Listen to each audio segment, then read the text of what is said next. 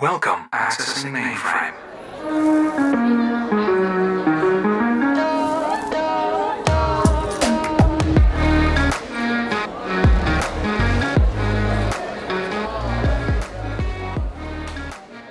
Loading. Oh, I, I almost forgot. I uh, I uh, I bought some magazines. Do you want to just flip to the uh, center section?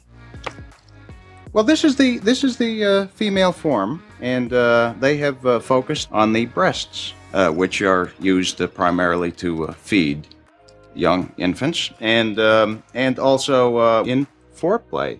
Right. Hej og velkommen tilbage til Future Loading. Vi er nu på episode 5, og jeg sidder sammen med, Mig, Anna. Og mig, Elias. og så mig, Julia. I dag så har vi en love episode nummer 2, hvor øh, vi vil tale lidt om, ja, altså fortsæt fra sidste uge, men så selvfølgelig også have fokus på det her med historier om parforhold og Intimitet. ja, grænser, breakups, altså ja. Så det skal lige siges, vi mangler jo Jasmin. Og Anna. Anna 1 slash Anna 2 slash banana i dag. Uh, men jeg tænker bare, vi klør på alligevel, ikke? Jo, ja, vi er lidt lille panel i dag, men det bliver da også hyggeligt. Hvordan er det for jer at komme tilbage i skole igen We, efter fire måneder? Det er som om, jeg stadig sidder bag en skærm, så sådan, jeg glemmer at sige ting, fordi at jeg sidder bare og koger sygt meget i timen. Altså sådan, jeg vidste godt, at vores fysiklærer var høj, men det var som om, jeg havde glemt, hvor høj han var. Og Indtil vi var tilbage på skolen, så var jeg sådan, wow. jeg elsker Morten. Han falder altid over ting, fordi han er så høj. Og så griner han.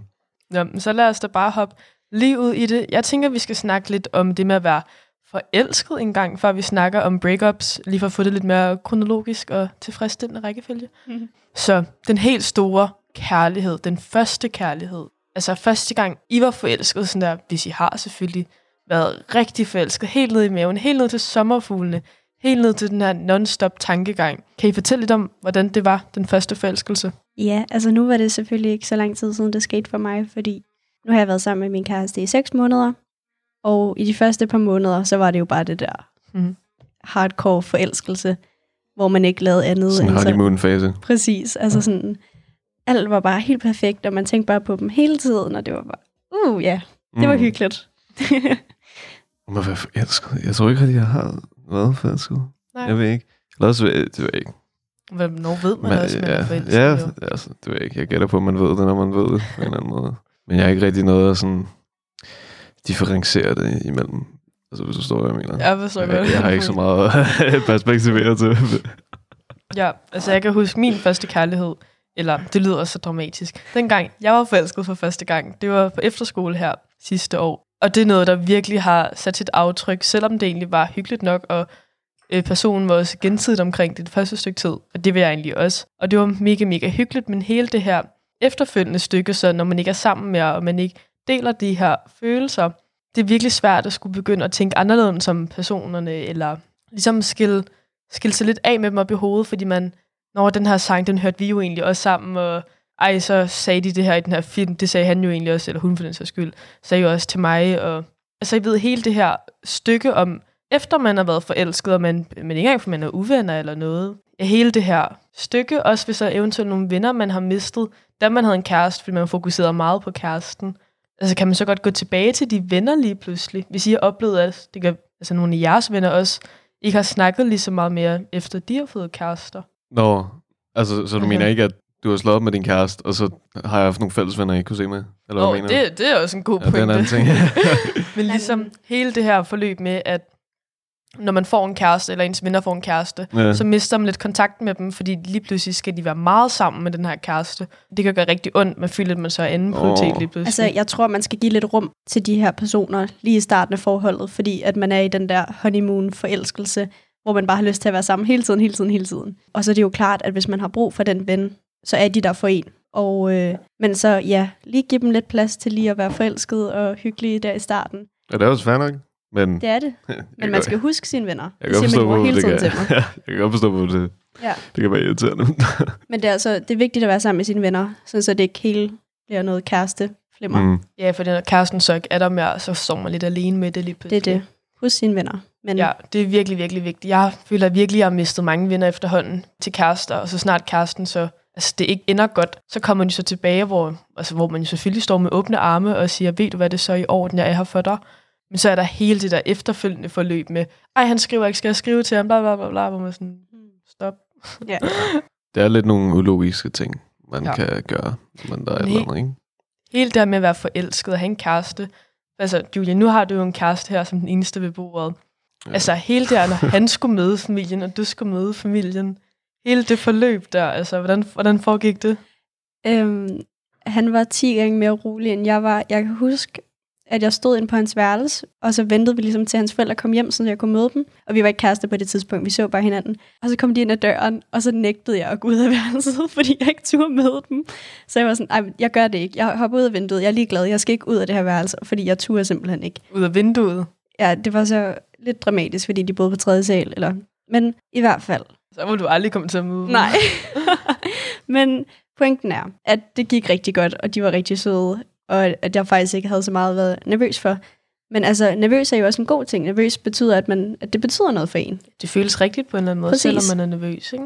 Hvis man ikke var nervøs overhovedet, så ville det jo ikke. Så var det, fordi det ikke betød noget. Wow. Men når man så slår op, hele det her forløb efterfølgende, den her honeymoon-fase, og man kan sige hele efter parforholdet, man ligesom vælger at gøre det forbi af visse grunde. Hele forløbet, der kommer efterfølgende med, hvor, kan man tillade sig at være jaloux, hvis ekskæresten får en ny kæreste, eller begynder at se en anden en, og tilbagefald, hvilket vi også har noget storytime med om her senere. Øh, hele det tilbagefald, efter man har slået op, så slår man bare op, og så snakker man aldrig mere med hinanden, eller er det okay at skrive, hey, jeg savner dig? Altså, hvad Altså, synes I om det? Altså det der med at være jaloux, det er jo ikke sådan... Jeg, jeg, jeg, jeg kan sagtens forstå, at man siger til sig selv, jeg kan ikke tillade mig at være jaloux, fordi bla bla bla, altså se på mig, jeg klarer det fint, bla bla bla, men det, det er en følelse, du ikke kan kontrollere. Altså det er lige så skørt, som at være forelsket. Altså det er en følelse, der bare tager over dig, jalousi, ikke? I Godt sagt. Man siger jo også, at kærlighed gør blind. Ja, ja, det skulle jeg lige sige før. Ja, altså jeg kan da huske, hvis jeg har været lidt vild med en fyr, ikke fordi jeg har været jaloux, men jeg, det, det gør lidt ondt i maven, hvis man ser ham stå og kysse med en anden, eller et eller andet, så bliver man lidt, Nå, af for den. Jamen det, igen, det betyder jo også, at der, man har ligesom haft nogle følelser for den her person, og Ja. det har været rigtigt også. Gud ja. Ja, så er der også lige det med, hvad venner, ens venneforhold kan blive påvirket af at få en kæreste. Det med for eksempel at sove sammen med sine venner, der har kærester. Altså, hvad gør man, når ens, når kæresterne har single venner af det samme køn, de er tiltrykket af? Øhm, jeg har selv lidt erfaring med det, for nu min allerbedste ven, han har en kæreste, hvilket er så fedt, fordi hun er mega sød, ikke? Men det kan godt gå lidt over vores venneforhold nogle gange, øh, hvis vi fx har været sammen, altså hængt ud sammen, og vi så tager hjem til ham, og det kun er os to, så tror jeg godt, at for hendes side kan hun godt få lidt ondt i maven over det, eller ligesom, jeg kan ikke sove hos ham, selvom det er madras på gulvet, fordi det vil både han og hun have lidt underligt med. Hvad er hele jeres synspunkt på det med at have venner, altså når ens kæreste har venner af det køn, de også er tiltrykket af? Altså, det kan jeg jo godt forstå. Selvfølgelig, selvfølgelig kan jeg det, at man har hele tiden sådan en følelse af, at man ikke vil miste personen. Det er jo ligesom det, der ligesom starter hele jalousien. Altså, du vil ikke have, at... Og der siger, det var dig og din bedste ven der, ikke? Altså, hun tænker sikkert, at jeg vil ikke have, at han skal skride på en eller anden måde.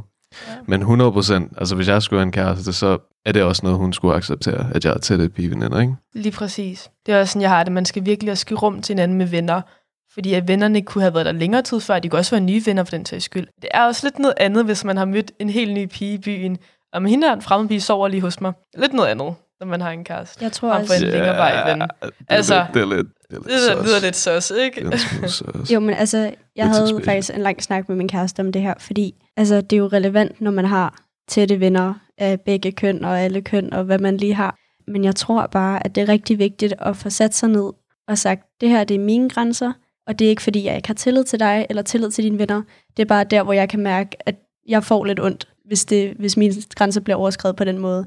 Og så er det jo ikke noget med, at man ikke tror på sin kæreste, eller ikke ligesom har tillid til dem, men så er, bare, så er det bare der, hvor man ligesom kan mærke, okay, det her kan jeg faktisk mærke, at jeg er lidt utryg ved. Eller, Naturlig Mm. grænse, der er lidt... Men man må, vel, man må vel også kigge på sig selv lidt og sige, hmm, er det mig, der ligesom over... Jeg kan forstå, at det kan gøre ondt eller noget, men er, det, er, det, er jeg lidt for streng her? Altså, skal vi lige kunne diskutere uh, selve uh, the values in the relationship, eller Ja. hvad man kalder det, ikke? Altså, hvor går grænsen, ikke? For mig i fremtidige parforhold er det enormt vigtigt, at jeg vil kunne hænge ud med mine drengevenner, og han kan hænge ud med sine pigevenner på den sags skyld. For det er det, jeg synes, at den er et sundt forhold. Fordi det er bare enormt vigtigt at have den her tillid til hinanden og kunne sige, okay, vi to, vi elsker hinanden, men jeg elsker også alle mine venner, og dem skal jeg selvfølgelig blive ved med at elske og hænge ud med. Det er Øhm. også sådan en god idé, hvis man ligesom lærer sin kærestes venner at kende, og får en god relation til dem. Fordi at, så kan det være, at man sidder har alle mulige bekymringer, og så møder man dem, og så er man sådan, nå okay, Ja. de er mega søde, Nothing to worry og har about. intet, præcis. Ja. Så der må man også lige make an effort til at... Altså hvis din kæreste, hvis er tjekket en besked ind på din telefon lige nu, hvor det står, hey uh, Andrea, vi siger lige, at Andrea er sådan, hans bedste pigeven. Okay. Hey Andrea sover hos mig nat, er du ok med det? Øhm, Altså sådan, ikke i hans seng, med sådan en madras på gulvet eller et eller andet? At han spørger, betyder vel et eller andet, ikke? jo, Ja, altså han spørger, eller bare sådan noget. Ja, det med han spørger nok også. jeg tror, altså jeg tror ikke, jeg kan give et, et svar lige nu, fordi Ja. situationen altid differerer. Men jeg tror overordnet set, vil jeg ikke have det sådan super fedt med det. Nej. Se, det er sådan noget, jeg er virkelig svært ved at forstå. For hvis jeg havde en kæreste, der skrev det, ville jeg super fint, hyggeligt, vi ses i morgen -agtigt. Og det var også Øhm, fair. Altså, ja, det er jo så grænsen fint, går, grænsen Mm. går nogle forskellige steder. Fordi øh, jeg forstår det forhold. godt, jeg tror bare ikke, jeg vil have det sådan. Men det er jo også fint, altså, vi skal Ja, det kan også være, at det ændrer sig for mig, eller et eller andet. Men jeg kan bare mærke sådan, lige nu, hvor jeg er, Det er jo også sådan, mine venner Ja. har det, der er kærester. De Ja. siger præcis det samme alle Ja. sammen. Ja, nu kan det også være, at man er single, man har det sådan, og når man så får en kæreste, ændrer det sig fuldkommen. Det ved ja, man jo så det ikke. kan også altså forskellige stadier i forholdet. Ja. Ja. Ja, og Helt hvis man har to forskellige holdninger omkring det, så kommunikere med hinanden og finde ud af, hvad der ligesom har været, ikke? Hvor lang tid synes I, man skal være kærester for, for at have sex eller intim samleje? Altså, hvor lang tid synes I, der skal gå? Hvis der overhovedet skal gå tid. It don't matter. Er sådan matter. It don't matter. Jeg tror, altså det er virkelig Skal man være forskelligt. kærester? Nej, men man skal have et sundt, et sundt sexliv med sin partner. Det kommer an på, hvad man lige er til og så videre. Jeg tror, det vigtigste er, at man altid er tryg, Jeg er Med dem, med, man, hinanden. er, man har sex med, ikke? og er god til at sige, det her har jeg lyst til, det her har jeg ikke lyst til. Og så er det lige meget, om man har været kærester i fem år, eller har mødt hinanden samme aften. Men sådan, hvad er sex? Er kys et sex, eller skal der ligesom, kommer der virkelig et stærkt ord på bordet, ikke? Skal der virkelig penetration til, før det bliver klassificeret som sex? Uh, ja, Julia, det, det svarer du på. Okay, nu ved jeg ikke, om jeg er gammeldags, eller sådan, men jeg tænker sex. Ej, ved du hvad, det ved jeg sgu ikke engang. Fordi Det her det er noget, mig og mine venner snakker meget Ja. om at sidde og analysere Jeg tror ikke- punkt efter punkt. jeg tror ikke, jeg vil kalde, at man kysser for sex. Det er måske no lige... er blowjob måske- sex?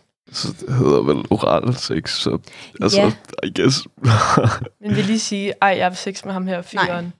Men man kan sige, jeg havde sex i går, og så kan det indebære, at man har gjort forskellige seksuelle aktiviteter. Ja. ja, altså jeg vil sige, sex er, når begge parter får noget ud af det, og det ikke er en det at gøre for at seksuelt tilfreds, eller tilfredsstille mine parter, men jeg gør det for både at personen bliver tilfredsstillet, men også at jeg selv bliver tilfredsstillet. Og det kan så være individuelt, hvordan det så foregår, og det er heller ikke noget, vi blander mig i, for den sags skyld. Men det kan jo, altså både heteroseksuel sex eller homoseksuel sex, altså bare når begge parter får noget ud af det. Det er der, jeg synes, det er sex. Og så hele det her, altså når vi nu er inde på emnet, ikke? Aldersforskel, hele det her stykke med, altså nu går jeg i klasse med en masse, der er 5-6 år ældre end mig, eller 4 år ældre end mig.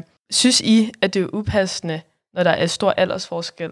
Hvis man siger 16 år eller 20 år, 16-20-årige, det kommer an på meget. Altså, hvor jeg, jeg vil tænke, samme sted mentalt. lad os sige, der er en pige, der er 18, der er en dreng, der er 22. Okay, fint nok, er whatever. fint. Der er en dreng, der er 20, der er en kvinde, der er 40, så er jeg sådan, ah, Jim. Synes jeg lige. det, det, jeg, ved, jeg kan ikke rigtig, jeg kan ikke, man kan ikke Som er rigtig sætte ord. 16 og 20. Nej, det ville jeg synes var lidt mærkeligt. Men det kommer bare så an på meget. Altså, Det kommer altså også an på, hvis de er kærester, eller hvis de lige har sex-agtigt. Ja. Fordi det tror jeg, Hvornår er det upassende? Kærester, eller hvis det bare lige... kærester, tænker jeg. Det er upassende. Ej, det skal jeg selvfølgelig ikke sidde og bestemme, fordi man er jo plus 15. Man må have sex med, hvem man vil. Ja, øh, stadig ikke, Også altså, andre plus 15. jeg skal lige sige plus 15, altså, det er ikke fordi, at der er jo 15, jeg går ud og knalde en 60-årig mand, vel? nej, nej, nej. Men altså, Mm. der, der er nogle ting, der er forskel på lovligt og moralsk rigtigt. Ja. mm. Og det, altså, det, God Og bare fordi det er lovligt, betyder ikke, at det er rigtigt. ja. Så du kan ikke, du, som, en, som en 40-årig mand kan du ikke forsvare, at du havde sex med en 18-årig pige. Ja, altså sådan, Ej, men hun er lovlig. Lidt ulækkert. Jeppe det- Kofod. Ja. Nå, altså, det er jo bare med. Jeg kan, jeg kan ikke lade være med at tænke, altså, hvis du kommer med et eksempel, der er en 16-årig, og der er en, ja, en 20 bare, bare, bare årig. Mm. Der går i klasse sammen, fester sammen, er samme sted mentalt og Men hvis man går i sige klasse fagligt. sammen, det tror jeg også bare Ja, noget det- andet, så er det er man det sådan- samme sted. Ja, Men er det, så, er det så ikke upassende? Eller er det upassende? Okay, nu kommer jeg lige med et scenarie. Okay, Ikke? kom. Preben møder Maria. Preben, han er Ej, 16. ikke bruge Preben, jo, please. jo, det er et virkelig godt ord. hvorfor? Der var en lame, der hed Preben. Vi Oh my god. Okay, Mads, han er 16, og Maria, hun er 20. De møder hinanden i byen, og de har det mega fedt, så de vælger at gå hjem til Mads, og så have sex hos ham. Er det upassende? Det vil jeg ikke tænke lige umiddelbart. Men man er så mange forskellige steder. Nogle 20-årige er næsten voksne, nogle 20-årige er basically børn. De var nogenlunde sammen. Altså, de klikkede, og mentalt Jamen, havde de det Så bare. skal man da også få lov til det, hvis det ikke, tænker jeg. Ja. Du er lidt et andet sted? Eller Nej, nej, nej, nej. Ved du hvad? Okay, nu siger jeg, jeg må ikke tage det her forkert, men love knows uh, no age, medmindre det skal være over plus 15 eller plus 18. Ved du hvad? Jeg tager tilbage det, jeg sagde. Det lød godt nok underligt. Jeg ved det ikke. det, er, altså, det kommer virkelig an på meget. Jeg, jeg skal Mm. se situationen, før jeg kan sige, det der det er underligt, det der er ikke underligt. Det er jo ikke under, altså, synes I så også, det er underligt, hvis en 20-årig er sammen med en 30-årig? Jeg, jeg, man, jeg, jeg tror ikke, man kan sige det sådan generelt set. Det er så Sådan forskelligt alle- fra ja. person til Det- Man person. kan selvfølgelig sige, en 12-årig og en 16-årig, det er så moralsk og ulovligt. Ja, Det er, det er faktisk ulækkert. ja den anden historie, når det er ulovligt. det, ja, der er det bare no-go. Og hele det her, når man så begynder at have sex og prævention, som jeg mega, altså, synes der er vigtigt at nævne på en eller anden måde, hvis der også har nogle lyttere, der begynder at have sex, eller sådan overvejer det. Øh, Hele den prævention, nu i folkeskolen, i hvert fald min folkeskole, har vi ikke haft seksuel undervisning. Det havde vi heller ikke. Eller vi havde om puberteten. Det var ikke noget, vi kunne bruge til noget inde med prævention. Eller med, hvor vigtigt det egentlig er at bruge prævention. Øhm, altså nu kender jeg en veninde, hun skal til at have en abort her snart. Og hun kan jo risikere at blive steril resten af livet. Og hun vil godt have en stor familie, når hun bliver gammel. Men som 17-årig, så er det bare ikke lige den situation, hun vil stå i. Så det er bare, ligesom man hører de her skrækhistorier, om du kan blive gravid, og man er sådan, ja ja, stik ind, stik ud, stik af, ikke? Altså sådan, overlever nok, men... Nå. Altså, hvor vigtigt det egentlig er, at det her med bare pull-out-metoden, og sådan ikke er en prævention. Altså, prøv at høre. Det er ret simpelt. Hvis du ikke vil have babyer, og hvis du ikke vil have sygdom øh, i din kønsdel, så brug prævention. Hvis du er fuldstændig ligeglad, så er du fuldstændig ligeglad. Men for jeres begge Men- skyld vil det være en god idé ikke at riske et meget ansvarsfuldt valg om for eksempel at virkelig life-changing ting i dit liv, ikke? Lige pludselig, uden varsel. Jeg er ret sikker på, at hendes kæreste godt vil beholde barnet. Ej, ej, ej. Hvilket, Nøj. det, var også sådan, Uh. det synes jeg så, der er hendes valg, fordi det er hende, der skal en baby gro ind i hende. Det er en helt anden ja, det er snak. en helt anden snak. Men i forhold til prævention, så skal man jo også huske, at der er nogle præventionsformer, som beskytter for små fetus inde i maven, Celler. og så er der nogle, som beskytter mod kønssygdomme. Så man skal bare lige huske, hvis man for eksempel måske har skiftende partnere, at bruge prævention, der beskytter mod sexsygdomme, og ikke bare Altså p-piller for eksempel. De mest kendte prævention, det er jo kondomer og p-piller. ja, Øhm, og kondomer. p-piller beskytter kun mod graviditet. Og hvis du har Præcis. samme parter, et smart, der kan man jo regne med, at forhåbentlig ikke er skiftende Præcis, parter, ja. så er der i hvert fald noget galt. Og så ja, kondom beskytter mod begge dele. Det er det. Så det skal man også lige huske at være opmærksom på. Fordi at der mangler undervisning omkring prævention. Helt sikkert. Helt sikkert. Prævention er mega, mega vigtigt, for det kan virkelig ændre et helt liv for mange mennesker. Det kan gøre en steril, man kan få et barn. Det er så vigtigt. Så man skal virkelig lige holde op med at være egoistisk i et øjeblik og sige, at det føles bare bedre uden. Jeg kan godt forstå, dig, hvorfor der er drenge, der gør det, men hvis pigen går med til det, så er hun lige så, Ja, ja. så er hun lige så. Nej, men altså, jeg har en veninde, ikke? Og det er Mhm. faktisk en true life story, det her, for min efterskole. Vi kører lige efterskole ud, for så ved alle, hvem det er, for Ja. mine venner. Jeg har den her veninde, ikke? Hvad skal vi kalde hende? Oh my god. Lad os kalde hende for Laura. Øhm, Laura, og hun havde så en kæreste, og de havde det mega nice sammen, og de begyndte så at dyrke sex. Og han gad ikke at bruge prævention, men hun var så forelsket i ham, så hun turde ikke at sige ham imod, for hun var bange for, at han ville slå op. Så hun endte med at tage 4-5 fortrydelsespiller om ugen, hvilket du må cirka tage 6-7 på en livstid, fordi der er så mange hormoner i. En fortrydelsespille svarer cirka til tre pakker p-piller, lige for at uddybe, hvor meget det kan, altså meget det kan skade. Og hun er bange for, at hun er blevet steril nu, fordi hun levede i det forhold i 8-9 måneder, hvor hun levede, lederfortrydelsespiller, som brugte det som en præventionmiddel. Bare lige hvor farligt det er, fordi hun risikerer nu aldrig nogensinde skulle have børn igen. Jeg tænker, hvis man har sex ofte, en fast partner, hvis man bare dyrker meget sex som kvinde, så kan det være en rigtig god idé at opsøge sin læge og finde ud af, hvilken prævention virker bedst for mig. Eller gå ind på, øh, hvad hedder det, sex og samfund, så er der faktisk sådan en lille quiz, eller sådan en test nærmest, hvor man ligesom kan udfylde nogle forskellige felter, og så fortæller den dig procentvis, hvilke præventionsformer, der virker bedst for dig. What? Det vidste jeg ikke engang. Øhm, så hvis der er nogen af jer derude, der kunne tænke jer at benytte jer af det, så linker vi til det i vores beskrivelse, og så kan I bare klikke jer ind på det og prøve det ud.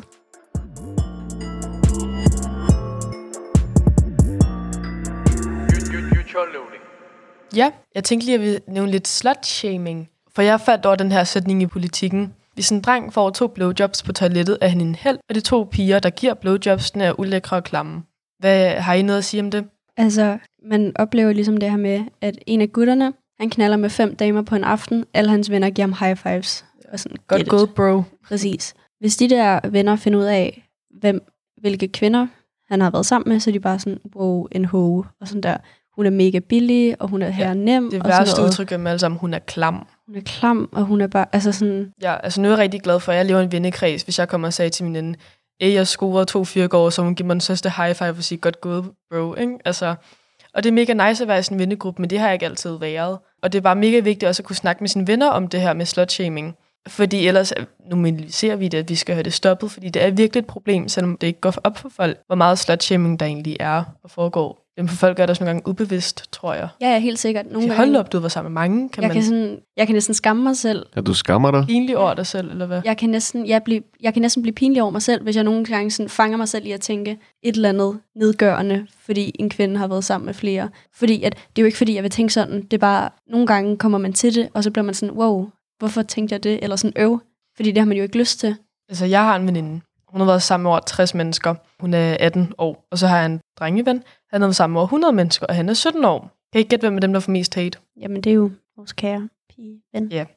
Og det er jo mega ærgerligt, det skal være sådan. For det første, ingens business overhovedet. Hvis hun siger, ja, jeg er knaldet mig over 70, og synes, det er pissefedt, burde man sige, nice, godt du lever livet, ikke? Mm. I stedet for at sige, ej, det er godt nok lidt for mange. Ja. Fordi det tror jeg ofte, det er det respons, hun får. In the end. Det lyder virkelig som at snakke om mig lige nu, det gør jeg altså ikke. Oh. Konklusionen er, at folk kan gøre lige, hvad de har lyst til, så længe at de passer på sig selv Ja. og har hjertet med. Er det, ikke- Ja, er det er ikke virkelig der, hvor vigtigt vi at passe på sig selv, og ikke være lige pludselig for fri. Altså i den betydning med, at der er stadig ikke nogen, der har en meget ulækker tankegang, som man skal Ja, ja, passe man på. skal selvfølgelig være forsigtig. Jeg vil lige spørge sådan, synes I bodycount betyder noget? I et forhold? Overhovedet ikke. Mm. Nej, det synes Jeg jeg, synes faktisk godt, det kan være tiltrækkende, hvis en person er virgin. Sådan der low-key. ikke sige det, ikke gør. Sådan der, er det ikke low-key lidt cute? Øh, det har jeg ikke tænkt mig at udtale mig om. Nå. Never mind den, altså.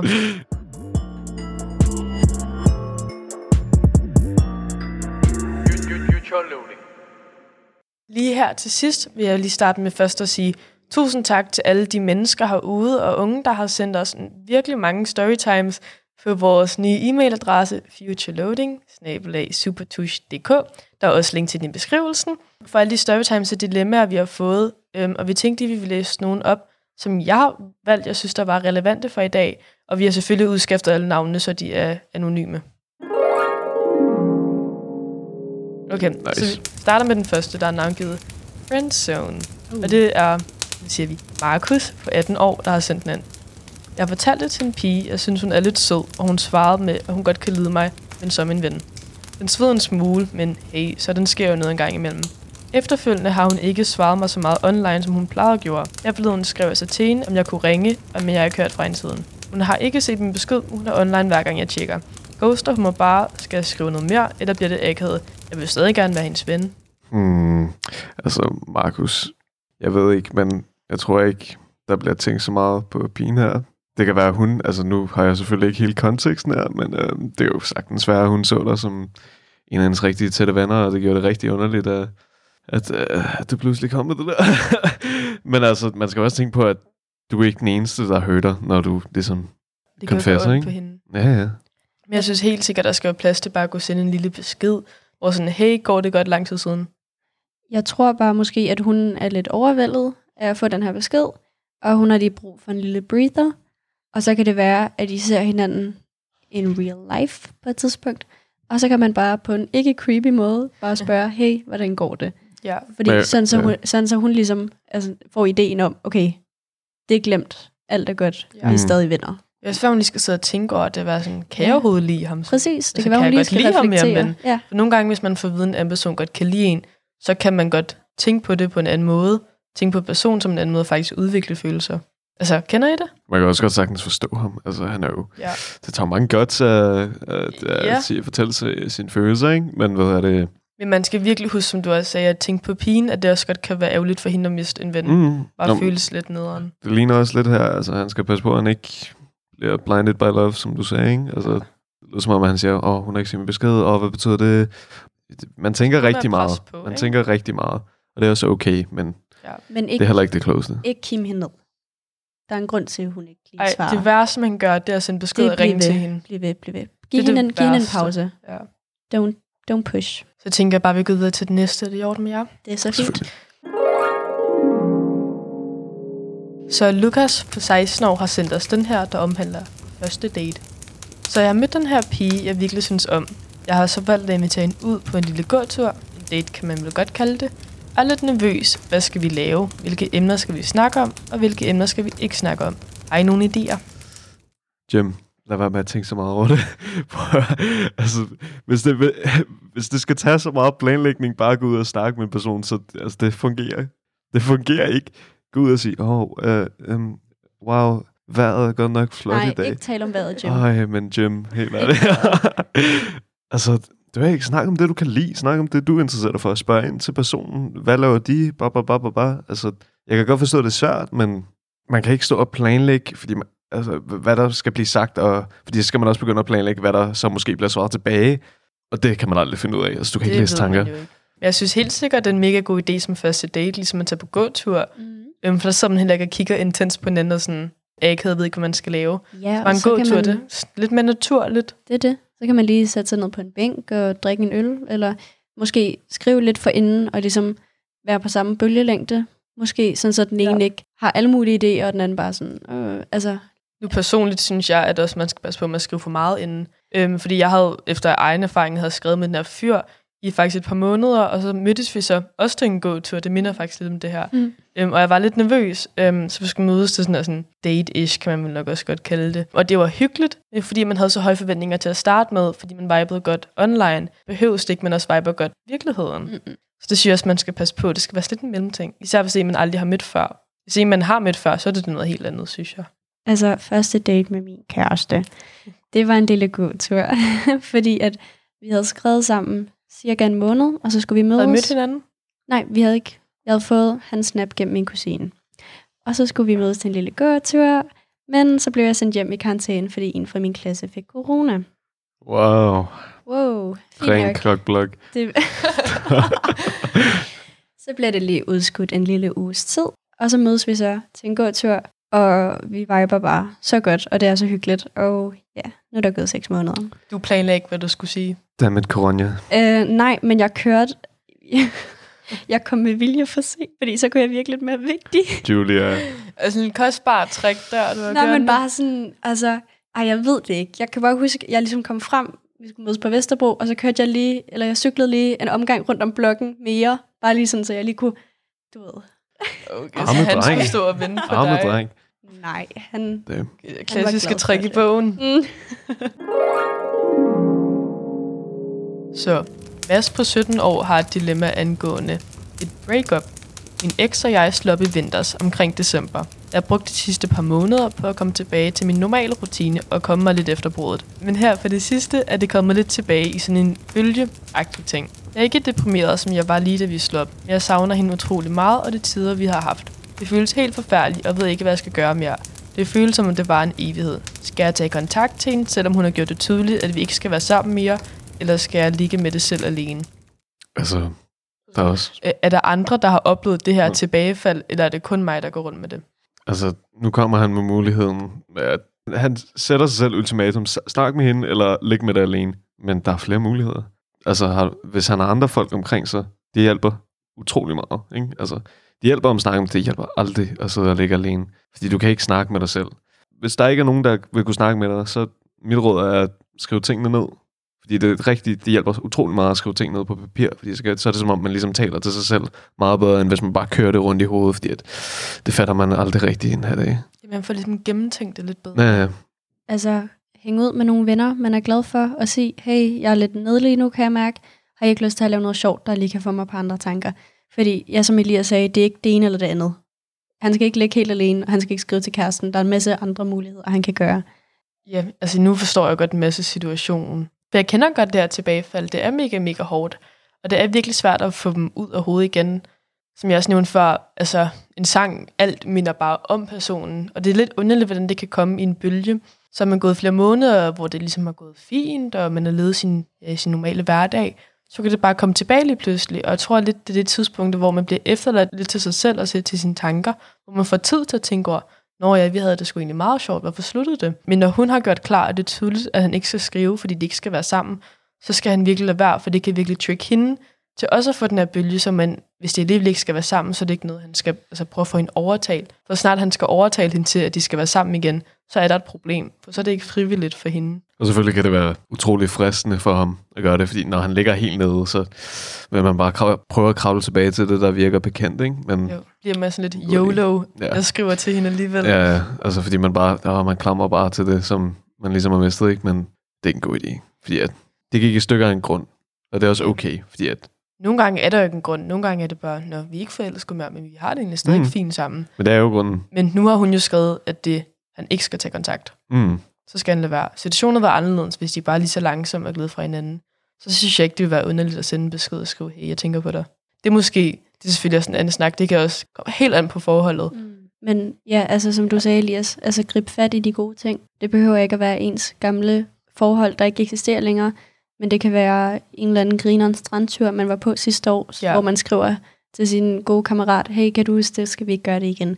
Der er så mange andre ting end ens forhold, og selvom det nogle gange kan føles som om, at det bare fylder alt i hele verden, så tror jeg, at det er rigtig vigtigt, at man enten selv rækker ud, eller der er nogen, der lige rækker ud til en. Helt sikkert. Og som vi snakkede med Mette om sidste gang, så det der med, at okay, man skal bare ud og finde en ny en, så glim- glemmer man den. Det er ikke helt løsningen, Ikke for mange i hvert fald. Er Den er i hvert fald ikke så langtidsholdbar. Ja, så det med bare, jamen det er lige meget, jeg skal bare ud og finde en ny en. Det skal man måske lige tænke en ekstra gang over. Rebound. Tusind tak for jeres historier og jeres mails. Dem er vi mega glade for. Som sagt, hvis I har noget kritik, hvad I elsker, hvad I hader, jeres nogle, altså nogle dilemmaer, nogle historier, noget feedback, så er I altid velkommen til at skrive til vores e-mail, futureloading som også er i kommentarfeltet. Og så vil vi få inkorporeret dem i vores øh, podcast. Så hvis der er noget, I synes, vi skal gøre bedre, eller noget, I bare synes, der er mega fedt, så send os en mail omkring det. Så skal vi nok skille det fra hinanden. Og Yes. I er altid anonyme i dilemmaer og historier. Så vil jeg lige sige til sidst, uh, tusind tak for, at I gad at lytte med. Hvis det her I stopper, så er det super fint, men uh, vi har tænkt os at spille det her kortspil, som vi har spillet de andre par gange. Så hvis I hænger ved endnu, så er det bare super fedt.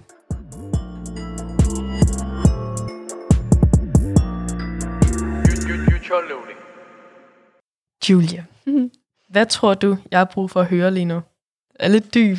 Uh, altså, nu har vi jo ligesom haft det her episode, hvor vi har talt om forelskelse og breakup, og du havde ligesom sådan nogle personlige relationer til det. Så det kan være, at du er lidt sådan in your feelings, kan jeg sige det? Eller du er lidt sådan... Forstår du, hvad jeg prøver at Jeg sige? forstår, hvad du Okay. okay. prøver at sige. Og så tror jeg bare, at du har brug for at høre, at øh, du har delt øh, din historie rigtig godt, og på en rigtig rar måde, og på en måde, som jeg tror, folk kan relatere til, og ligesom reflektere sig i. Og det var bare rigtig godt gået. Tak, det havde jeg lige brug for at høre. tak, det er jeg rigtig glad for, det synes. Wow, Nå, du Cool. cute. nice. Elias, Ja, yeah. hvad tror du min go-to karaoke-sang er? go to karaoke. Uh, The Riverdale-sang. Nå, ja. Okay, okay, vent. Humble. Med Kendrick Lamar? Ja. What? Nej, nej, nej, Blinding Lights.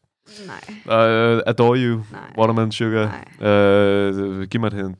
Øh, en lidt mere gammel sang. Oh Okay, my god, hvem, get hvem er artisten? Ja. Never gonna give you up. Nej. Okay, hvem, er, hvem er, Det er min. hvem er artisten? øhm, jamen, der er flere. Tommy Seaborg. Artist. Så det kommer an på, hvad man lige... Jeg kan lige sådan fortælle min version af, af sådan... Er den dansk eller engelsk? Nej, nej, den er amerikansk. American. Er det Bohemian Rhapsody? Og den er Gladys Knight and the Pipes. Midnight Train to Georgia. Ja, okay. Du, She's leaving du, er sådan, du er sådan quirky en.